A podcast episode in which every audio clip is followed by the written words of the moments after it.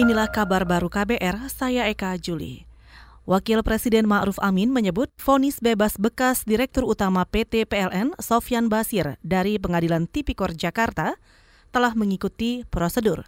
Menurutnya, vonis bebas itu menjadi tanggung jawab pengadilan yang memutus apakah yang bersangkutan bersalah atau tidak. Ya, kalau ada misalnya yang tidak pihak yang tidak puas bisa mengajukan banding. Semuanya itu bisa dilakukan. Nah ini saya kira kita Indonesia ini ingin menjadi negara hukum sehingga prosesnya itu berjalan sesuai dengan koridor hukum. Wakil Presiden Ma'ruf Amin juga meminta masyarakat tetap menghormati keputusan hukum yang berlaku dan menyampaikan keberatan mereka dengan baik. Ketika disinggung mengenai peluang Sofyan Basir yang kembali menempati kursi Direktur Utama PT PLN, menurut Ma'ruf, masalah penggantian sepenuhnya diserahkan kepada Menteri BUMN yang baru yang lebih mengetahui apa yang penting untuk PLN ke depan. Saudara kepolisian menyebut Ketua Umum PSSI periode 2019-2023 Muhammad Iriawan atau Iwan Bule tidak perlu mundur sebagai polisi.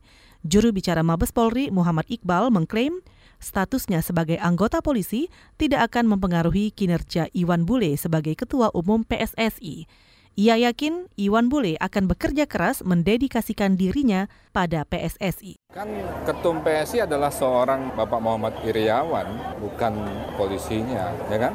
Bukan polisinya dan itu tidak ada penunjukan maksud saya dari institusi. Itu adalah hak beliau sendiri. Beliau diminta dan beliau juga mendedikasikan sendiri untuk ikut di dalam pemilihan tersebut, gitu ya. Dan itu kalau kita lihat bersama-sama mekanismenya beliau ikuti, semua ikuti demokras, demokratis, pemilihan. Juru bicara Mabes Polri Muhammad Iqbal menambahkan, mundurnya Iwan Bule dari kepolisian adalah hak pribadi dan Iwan tidak harus mundur karena terpilih sebagai ketua umum PSSI. Apalagi PSSI bukan organisasi politik atau kontestasi pemilu. Badan Pusat Statistik atau BPS menyebut perekonomian Indonesia kuartal 3 2019 hanya tumbuh 5 persen lebih Kepala BPS Suharyanto mengatakan terjadi perlambatan laju produk domestik bruto di kuartal ketiga dampak dari ketidakpastian ekonomi global yang mengakibatkan pelemahan ekonomi dunia. Jadi ini adalah triwulan ketiga 2019 terhadap triwulan ketiga 2018. Tumbuh sebesar 5,02 persen. Produk domestik bruto atas dasar harga berlaku adalah sebesar 4.067,8 triliun. Kepala Badan Pusat Statistik Suharyanto menambahkan, pertumbuhan ekonomi Indonesia dari sisi produksi didorong oleh hampir semua lapangan usaha.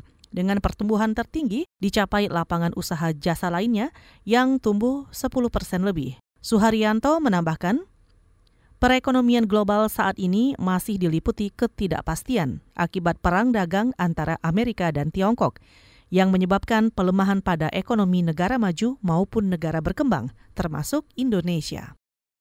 Mulai hari ini, pemerintah Singapura melarang skuter listrik di atas trotoar karena meningkatnya cedera pengguna dan kematian pengguna transportasi lainnya yang tertabrak skuter elektronik itu.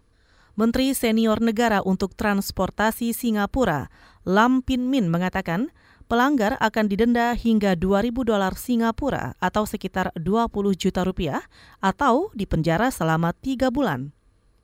Pihak berwenang Singapura juga menangkap sekitar hampir 400-an pelaku pengguna per bulan. Selain itu, pemerintah Singapura juga akan bekerja sama dengan perusahaan seperti Grab, Deliveroo, dan Foodpanda untuk beralih dari skuter elektronik ke sepeda motor untuk pengiriman mereka.